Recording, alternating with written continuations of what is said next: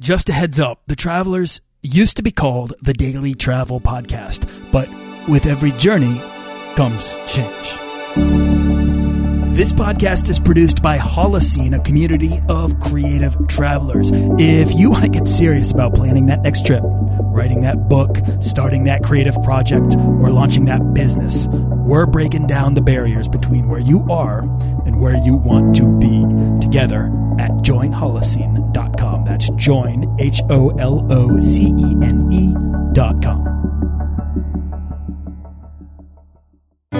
Today we're discussing the value of the travel lifestyle with Don't Stop Living's Johnny Blair. Do you want to travel further and more often to visit new places and meet new people and expand the role that travel plays in your life? I'm your guide, Nathaniel Boyle, an explorer that wants to help you get out, see the world, and find meaningful, life changing experiences. Everyone wants to be adventurous and have great stories, to do the stuff of legend. This is the Daily Travel Podcast. Johnny Blair is the Northern Irishman behind the site Don'tStopLiving.net, which is a blog covering the lifestyle of travel, which he defines as being always on the move, even when employed. Johnny's backpacked to 99 countries and he's on the cusp of hitting number 100. Uh, he's also studied in England, China, Australia, Uruguay, so he's really embedded travel into his life almost every step of the way. So I want to get into how Johnny defines the travel lifestyle for himself, you know, what motivates that, and uh, how how he makes this work for himself, which is always the question, isn't it? So, Johnny Blair, welcome to the Daily Travel Podcast. All right, Nathaniel. Yeah, it's uh, great to be on. Uh, quite an elaborate introduction there. So, um, yeah, pretty. No yeah, pressure. I'm sure you'll you'll you're going to live up to all of that. Well, I'm just I'm glad to be on the show and hopefully uh, can communicate with a lot more you know people out there that are not just into travel but actually currently out you know traveling around the world and hopefully we can bounce off each other because as travelers we uh, you know we uh, associate ourselves with other people that are doing the same thing um, because it inspires us. You know, someone will go somewhere where we haven't been and we'll want to go out and see it too. So That's so um, true. Hopefully, It's so hopefully true. through through my journeys, um, you know, other people will will interact with me as well and be glad to get out and see the world. You know. I think the uh, there's two things to to what you just said, and one there's this idea of almost like a pay it forward economy that exists within travel. It's like if someone does something for you while you're on the road, you recognize how that made you feel and the value and how how helpful that was. You want to impart that same experience upon someone else, and so for people that I think produce content online, it's like what what better way to do that than to provide inspiration or encouragement for others to go out and do the same, and then that's exactly what you're saying. Uh, that other people are already doing that for you, and that all of a sudden someone might have put out a uh, a destination like Norway, for example, which I think you just you just told me is, is about to be your 100th country. Um, actually, um, I've go ahead. actually just I've actually just been in Norway. Um, so I'll I'll kind of tell you the story of that. If, Go if for you it. don't mind. Um, Perfect. Norway. I think it was about it was about four months ago. I just put um, an article on my website with a, a vote a voting box on the on the sidebar and just asked for you know my readers and viewers to actually vote for where I should go for my 99th country. So. Uh, you know, I wanted to pick my own 100th, but I thought I'd let people have a wee vote and make a bit more interesting. And Norway turned out to be the, the clear winner for some reason. You know, I think maybe people thought that Norway is an expensive country that, you know, I might struggle there because, uh, I'm sort of used to if, budget backpacking, if you like. Um, but actually it was just an amazing experience. Yeah. I mean, when I crossed the border from Sweden, you know, with the train, um, my first beer in Norway was celebrated that night and it only cost me six dollars or something. So, you know, people do give you all these ideas about, you know, Norway being expensive. It's just a beautiful country, you know, gorgeous landscapes, really nice people. And yeah, I was just there, you know, touring the fjords. Um, I took the train ride through the mountains and I just really had a, a great time. And yeah, that was to, to celebrate my 99th country so that I could, uh, sort of chill out for a few weeks before hitting, um, what is, we know, what is a bit of a, a milestone for me, if you like. It's a hundred countries. It's, you know, just another day in the week, but a bit more special. yeah, A 100 countries. How long have you been out there pursuing uh, something like a number as large as 100?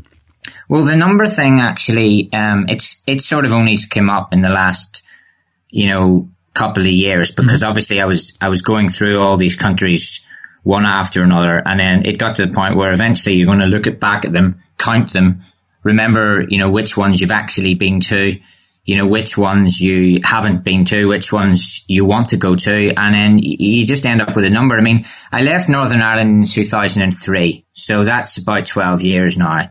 Um, and when I left there, I'd been to, was it 13 or 14 countries? Maybe 13. So, you know, I've obviously, I've included the ones that I've been to before, but I've since, uh, been back to them. Um, but yeah, so it's, it's been 12 years. So you're averaging about eight, maybe eight or nine new countries a year. Some years obviously slightly more because I was working less. I was traveling more.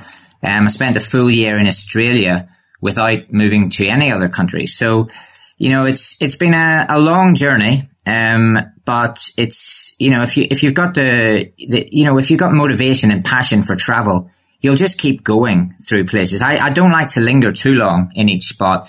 So the, the sort of journey has taken me, you know, to this point where, you know, I, I don't, I want to wake up any day and decide to go to somewhere new. I don't like repeats anymore because of, you know, you've, you've had your fair share of being to the same city, two or three times. You want somewhere new, and now it's it's just building up. I'm always going to new places now when I can.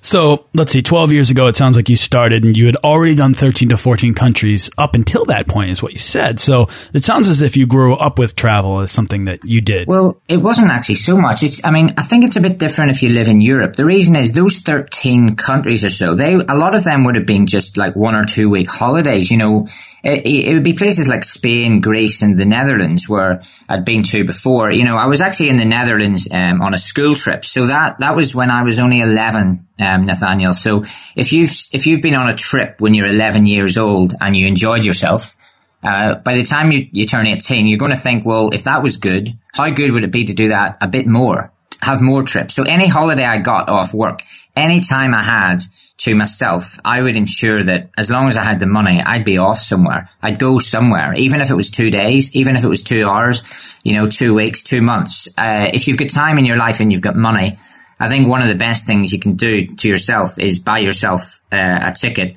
for a flight or a train or a ferry and and get out there. And it just it just you know it's established itself as a, a lifestyle from that point on. It just deteriorated um, into a, a, crazy lifestyle where I wasn't being normal anymore by staying in the same place. I was just moving around, and people you know were having to keep track and find out where I was.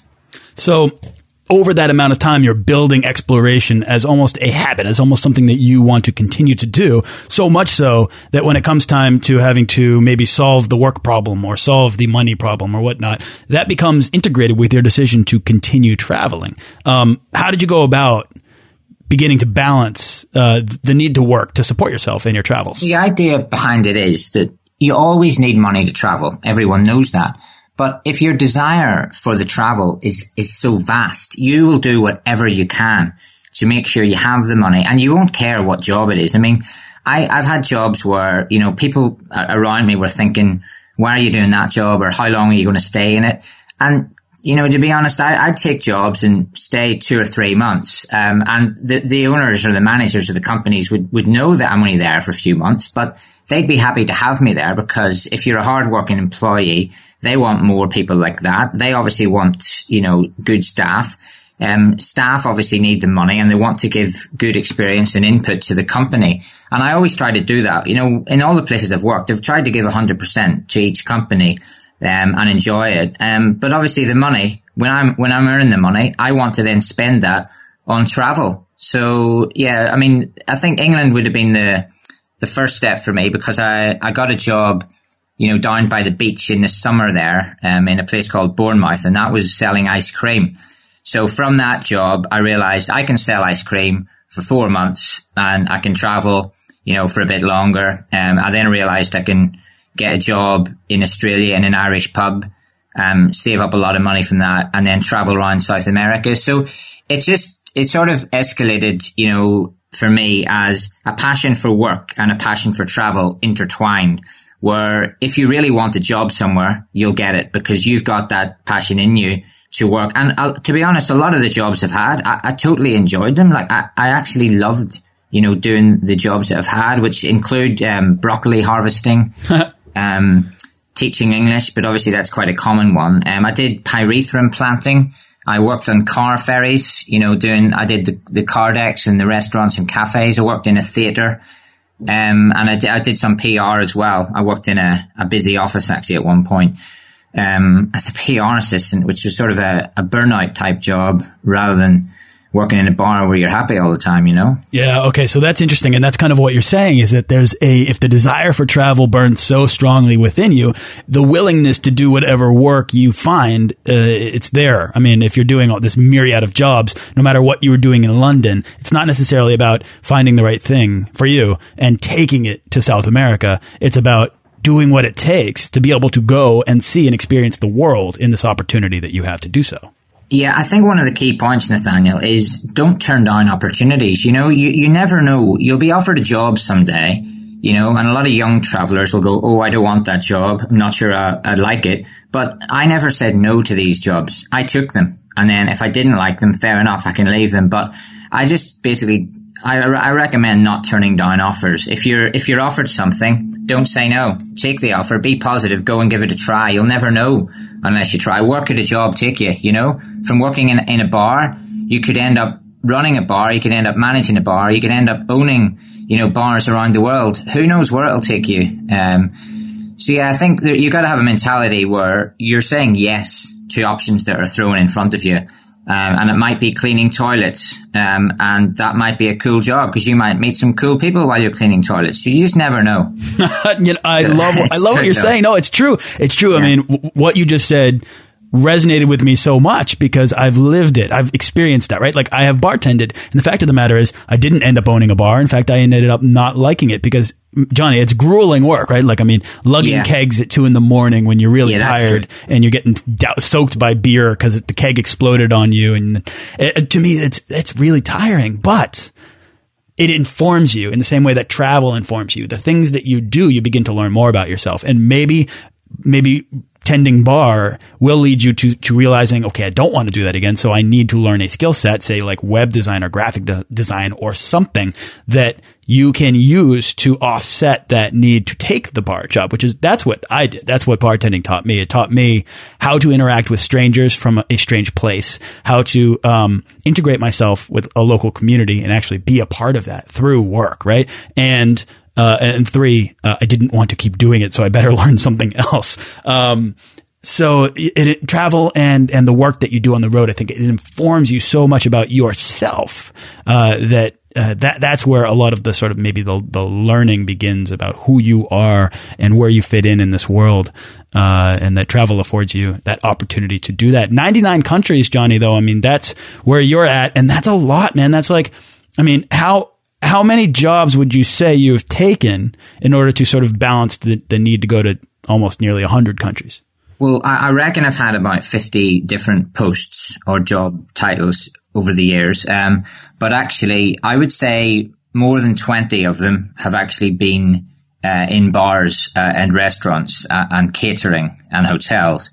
I would say about seven of them have been in schools teaching English. So it's um it, there are some similarities between the jobs within that, but basically each all the money that I've earned, I'll try to spend that on travel. You know, I haven't put down any money on cars or accommodation you know, long term. I, I, haven't got obviously a mortgage or a flat or I'm not paying rent or, or paying bills. So, you know, to get to 99 countries, you have to forfeit something. So someone might not spend the money on, you know, a month in Iran, but I'll gladly spend the money on a month to, in Iran because I don't have a rent to play, to pay for any property that I own because I don't own that, you know. So I don't really have the attachment to a, a set geographic location. And that's why I've been able to, to do that with the freedom, you know, that I've created. Uh, I, I don't have a set home. One day I probably will because that would be the aspirations of most people to actually have a place that they own and, and stay in. But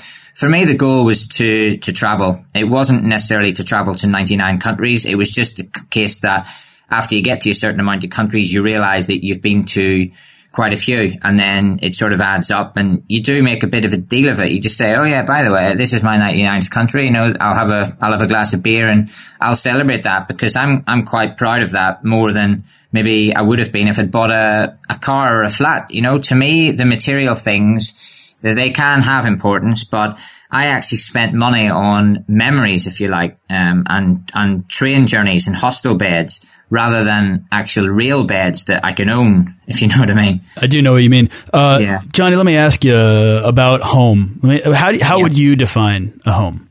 Well, there is actually a quote. Um, it's it's from a, a, band called Snow Patrol, and it's all these places feel like home. So I, I, I quite like that quote because it's basically saying, you know, we are people that are born on a planet. We should feel at home on this planet. Now, the way that, you know, cultural diversity and, you know, different countries with their strict governments and that, they, they've made us feel less at home in certain countries, admittedly. But this is our planet and we should feel at home everywhere. So I do try to make sure, um, I feel at home and I immerse myself in cultures around the world. Ultimately, you only have one place where you're from. That's always going to be the case. But, you know, the world is my home, um, and I'm from Northern Ireland. Um, I'm proud of that and that is that is where I, I grew up um, and I came from. But there's a big world out there to see, and as cool as Northern Ireland is, I, would rather see a load more countries and then still go back and, and visit my my home home if you like, you know, put it in inverted commas or whatever way you look at it. But I think a lot of travelers out there they like to to feel at home wherever they go, and local people um, in certain countries are very very warm and welcoming and they really give you a, a, happy, you know, a happy experience in their co- country because they want other people to feel at home there. And, you know, I've, I've been to places like, um, I guess Iran, Ethiopia, um, you know, Macedonia, Lithuania, Uruguay, and I've felt at home in those places because the people there have welcomed me and become my friends, you know? It's building relationships and friendships as well along the road. So it's almost about when you go to these places being able to find an aspect of home. Uh, how how long do you have to usually stay in a place in order for it to well, this impact is the thing. Some way? people some people think you need to spend like three months, six months in a place to feel at home. I've done a I've done a lot of traveling that's been quite fast. You know, I, I can go to countries in you know a few days or a week or something and have enjoyed my experience there and then move on during that short time, I may have had, you know, a homestay with a local family and really enjoyed it. So it depends on the person. Um, like I, I did stay with a family in Uruguay and, you know, I was in, I was learning Spanish there in Montevideo and I loved that. But I didn't stay too long because my, my dream was actually to backpack through South America. So I learned the Spanish I needed. And then I, I got on my merry way, you know, I headed it back up to Brazil and Paraguay and, um, and onwards on the journey. So the, the defining, you know, how long you need to stay or what you need to experience. I think it's the individual. Um, some people will feel at home if they spend a year in a place. Someone could have a night in a desert and think, wow, this is me feeling the real, you know, Jordanian desert experience and this is me at home. And other people might not even have the time off work to actually get, um, you know, a long-term experience in a country. So it's just what you take from it. I, I've taken a lot of good memories from the different places I've been. And yeah, there's certain memories that'll stand out as places that I can, you know, I can always relate to and remember. And if I look at the photograph or get a message, you know, from a person that was there that time, I, will just, I'll just be smiling and, and happy that, that I went there and enjoyed it. Mm, it's that fulfillment of finding the story that's sort of lying in hiding out there waiting for you to uncover it. Um, Johnny, loneliness, I think, is one of those things that uh, it can be kind of tough to manage. I think when you're on the road, when you have a lifestyle of travel, uh, you travel, it sounds largely alone, and yet you tell me that when you reach these places, it's about the people that make you feel at home, right? So, uh, I guess how do you how do you balance that maybe that 12 years spent away from a physical place, a home, where maybe people are predictably uh, there for you versus being on the road where there is no element of predictability and it's very much you on yeah, your own every day it's wherever a good question. I mean, I've got I've got some of my best friends in the world but I don't see them very often because I'm not always in the same town or city as them. So yeah, you do find yourself alone quite a bit, you know? Um, I mean, I've got a girlfriend and she travels with me, but not all the time. So yeah, when I'm when I'm like traveling through these countries and I'm on a train journey, you know, on my own, I'll mm. often, you know, bring in a cup of coffee, crack open a beer,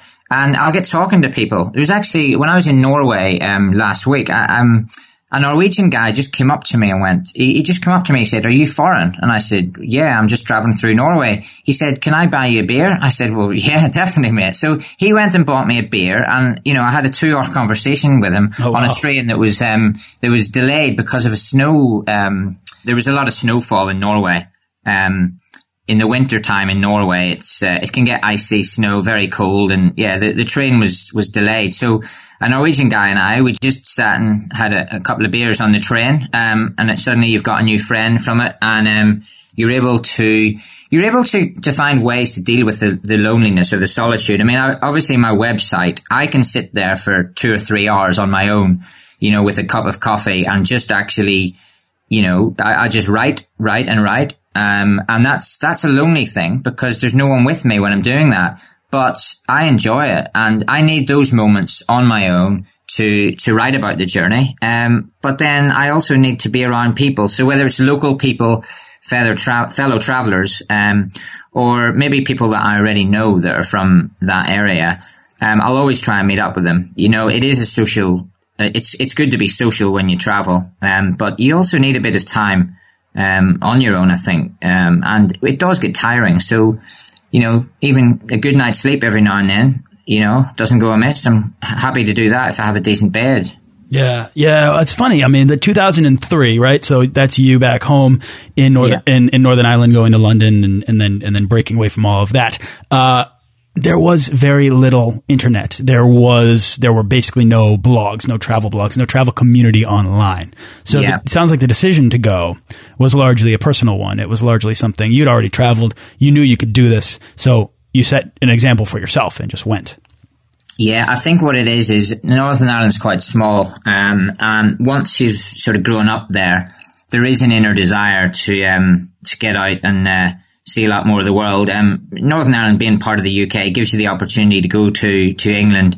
So, um, and England has a, had a lot of job opportunities, certainly in those days. It was before the EU opened up to a lot of the, the, the other nations in the EU where they could move about freely. Um, so it was always easy to find a job in England and, you know, flights are going from London to, you know, hundreds of countries around the world and hundreds of cities. And it's so easy to just book a flight and, get away, you know, somewhere. So it, it started on a smaller scale for me, you know, just booking flights and going on trips. And then my biggest backpacking adventure probably was 2007 when I went to China for the first time. And I just loved the freedom of it all. Ironic, I should say that about China actually, but you know, it was just the freedom of being out there and meeting new people and not actually having to pay rent for any particular flat or place that I lived in. And then the bigger trips were created from my lifestyle in Australia, which was actually 2009. So, um, it's, it's been a long, um, journey, but it's, it's ongoing and it's, uh, relentless. And, you know, I've got my, I'm off to Africa actually in a couple of weeks. So, uh, it's, yeah, it's pretty good. You know, it's interesting because there's this we're talking so much about sort of the social aspect of travel. And over that past 12 years in which you've been on the road that has that entire landscape has dramatically shifted right? I mean all of a sudden there are there's a travel community that gathers in places. There's travel community that's constantly online. There are uh, social channels that make it easier for you to connect with the friends that you have around the world um, for better or worse whether or not that's somebody you meet on the road that you might have never ever seen again. I I have so many of those friends on Facebook that I almost have I, I, at one point in time would have had no business ever communicating with ever again. They're like ships passing at night, but now we're, we're, our lives are interconnected because we we're constantly on Facebook or Twitter, um, sharing with each other. Uh, you so you've seen this this whole social landscape change as someone who's been staying in hostels in particular, in which I think you're starting to see maybe um, I, I'm seeing a lot of conversation around this idea that people aren't quite as social in hostels anymore. And yet, um, I don't know, are you experiencing that? What other changes have you seen in this whole thing uh, uh, over the past 12 years? I think, um, obviously, when I started off um, back then, I, I, wasn't even on Facebook. I didn't even know how to use WordPress or I didn't even know how to type up stuff online. So seeing that whole development is crazy, really. I mean, if you'd have told people 12 years ago that they could travel around the world, earn money from their laptop and not need a, you know, not need an actual home and you could, you could get away with it, everyone would, would have been doing it. But it, it's got to the point where, you know, people are doing it and you take it for granted now. I mean, I log into Facebook, Twitter, you know, YouTube, Hotmail, my uh, email accounts. I log into them you know, almost, well, it should be every day, but as long as I can get online, I'll be logging into them. I, I couldn't live without them at the moment. But then 12 years ago, I did live without them. So it's it's hard it's hard to know really. It's just a progression, but no doubt it's good. It's good the fact that you've got Facebook and Twitter so prolific and so many people on them because this opens up doors for you. You know, some people are getting a job now because they saw an advert on Facebook or because their mate, you know, retweeted something. And this is opening up new doors that the youth um, of yesterday just didn't have. You know, it, it used to be just go down to the park and play football. Now people are sitting on computers retweeting uh, about some footballer or something. It's it's a to- totally different ball game. It's it's a different world we live in now. Um, and I personally think that most of it's better. But there, there's some of the, the bits from before before the internet took off that you know you kind of still do miss. You know. But yes. Yes, surely. But I can't complain. No, you know? I, I mean, I would certainly take this over what was before. But the fact is, is that yeah, there's some elements of uh, maybe mystery and story to the to the world that uh, aren't there anymore because we're so well connected. That said, I'll take the connectivity, right? Like I I, I want to be able to uh, maintain relationships, grow relationships, and also expose myself to more ideas, to more uh, to to more new places. Like you were saying, the the inspiration to go to places. People might hear this and say, "Wow, Norway sounds great. Maybe I'll go." Go there. The people sound sound friendly. Maybe I'll go there. Why do you think that guy, Johnny, bought you that beer? Because of a desire for a greater connectivity to a wider world. And all of a sudden, the internet makes that possible you know, just by picking up your phone out of your pocket. Uh, whereas it used to be this, uh, this, it used to be a much bigger place, um, harder to crack, harder to maintain. Um, why do you think? Let me ask. Let me turn the question around on you. Why do you think that guy bought you that beer? Um, he actually did tell me. He, he, he, just said that he was bored sitting there on his own on the train, and he thought that I might be interesting to talk to. So I was like, "Well, if I'd have known that he was interesting to talk to, I'd have asked him." You know, but it was him that asked me. It was, I think, it's because I was the traveller and he was Norwegian. Um, and you know, it's not cheap to buy a beer in Norway, especially not on a train. Um, in the carriage, it must be about. It must have been about ten dollars, oh, maybe eleven dollars a beer. You're talking US dollars there.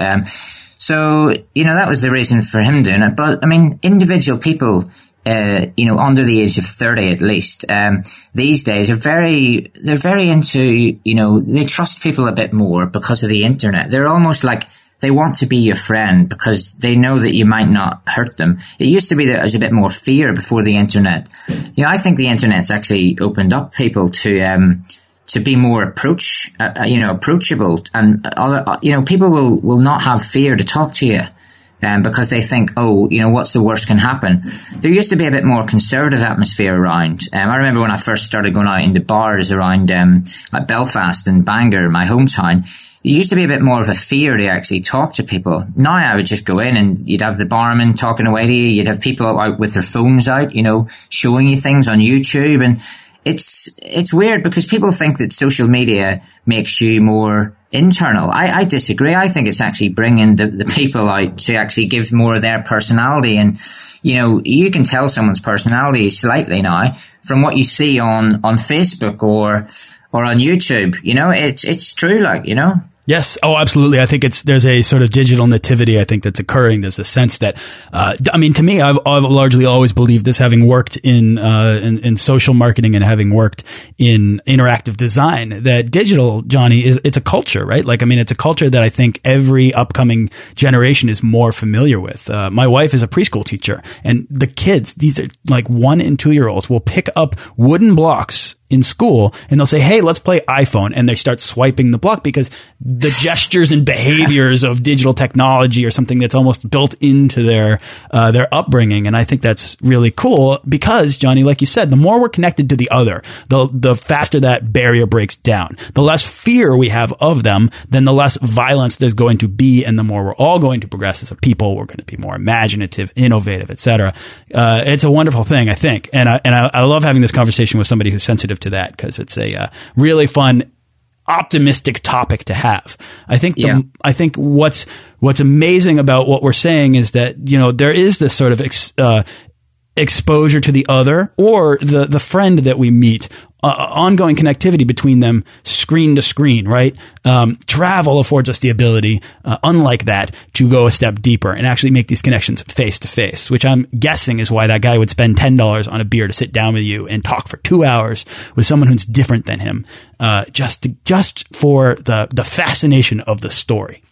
Exactly. You know, it's it's just the people, the interaction of people. For me, you know, wh- when you're traveling, it's it's it's almost like you know, it's, it might sound a bit silly to say this, but it's it's like the more you travel and the more you meet people, you're almost feeling like the world should be a more peaceful place. You know, if if everyone in places like Iran, Iraq, United States, and North Korea and Germany all got together and had a big party in a room, they'd probably have a good time. But it's these political and, you know, and barriers and all these arguments that people have, you know, maybe government wise and over land and oil and everything. Th- these are the things that are, are the barriers to travel now for me. The other things are not barriers. The, the barriers to travel for me are, are nothing. I just go out and I'll go anywhere and I'll explore it. But it, it, there should be, you know, with bringing more people together the way social media does and the way travel does, there should be a definite, you know, reason for more people to be peaceful because that you, you've got friends from countries that previously you might have thought, oh, everyone from that country is, is not a good person or you you've heard something on the media. So it, for me, it's about bringing people together, travel, cultures together and still maintaining those cultures. You know, I won't go to Iran and want to change their culture, but I'll want to experience it and give them some of my culture, you know, and through that, you know, hopefully the world will be a better place and, um, yeah, here's to world peace, and hopefully travelers can help help. Yeah, it's that thing. It's that idea that uh, you know, you, you you might not change the world. The world will change you. But in turn, if we are all changed, then hey, it's it's it's going to progress itself. But this is pretty heady. I think it's also the idea. This is a quite simple thing that if you go somewhere and you meet the people, then the idea of war is never going to be the solution for you because you know you have friends there. You would never choose that. And I think that's the travel, uh, the value of travel to uh, a society or to a global community. Yeah, definitely. Uh, it's Yeah. fascinating, but it also makes you a more interesting person, full of stories, uh, m- more informed about yourself, and more, uh, let's say, desirable to others, whether that's an employer or uh, someone, someone uh, romantic, or even just a friend. Uh, for me, travel has really sort of, I think, blossomed my desire to learn, uh, and my my by making me more curious about things and exposing me to new ideas, uh, and making me ask, okay, well, what what else is out there? But also, it's turned me into something that I never anticipated being. Here I am running a, a podcast as a conversationalist. I I didn't used to like to talk, but now I love it because I sit down with people like you, Johnny, who have this sort of uh, a similar worldview, but also uh, similar interests, and it's just it's fun. I mean, I would love to just we could do this over a beer sometime, and it would be a great time. I think that'll be the next step. I mean, when I connect with people online or through travel, the next step is always, you know, you want to just go down the pub and sit and have a chat with them because that's, that's what makes me tick in my day, you know, learning things from other people and just enjoying the lifestyle and the freedom that the, the youth of today have and that, you know, people like yourself and myself have, have built a lifestyle around, uh, moving around the planet and realizing that there's a big world outside your window. Don't be scared of it. Go out and embrace it and, uh, and love it. Connect with the world face to face rather than screen to screen. Absolutely Love right. it, Johnny. All right. So, what's exciting you the most right now? Where's your next trip, or what's your next project? I'm actually going to Africa. Um, I, I hadn't really told um, too many people where I was going to go for the 100th country because I started waiting on visas and passports coming through. Um, but North Africa has been completely missing from my travel itinerary before. So there's a few countries in North Africa that I'm eyeing up, um, particularly Algeria and Tunisia. Oh, nice. So uh, one of those is, is probably going to be the 100th um, once I get the, the flights and the visas sorted. Um, but before that, I'll be hanging out with some mates in um, London, uh, Birmingham, and Liverpool uh, en route, which is pretty cool because these are sort of guys I've you know I've hung out with for years, and uh, it'd be good to see them again uh, just before I crack a personal milestone and um, on with the journey, really. You Brilliant. know? Yeah, I love that. Johnny, uh, is there anything else that you want to add to the conversation before we wrap up? Well, just really that you know I'm I'm online. I'm available um, to to chat to people and you know email people and you know anyone that wants travel advice. I can always give it as well. So you can connect to me on on the website, which is don'tstopliving.net. Um, you know Facebook, Twitter, email, and all. It's all on there. So yeah, I'm I'm always happy to to hear from other passionate travelers and digital nomads and anyone out there that that has a passion for sharing their stories. Brilliant. I love that. Johnny, thank you so much for coming on the show, sharing the story, getting into this, these topics with me because I, I, again, I just, I love talking about them. Uh, I like your perspective on them and good luck on number 100. That's really exciting. Uh, and Yeah. you've, you've only got 93 more to go. yeah, it's been a pleasure. Great All to talk to you, Nathaniel. All the best.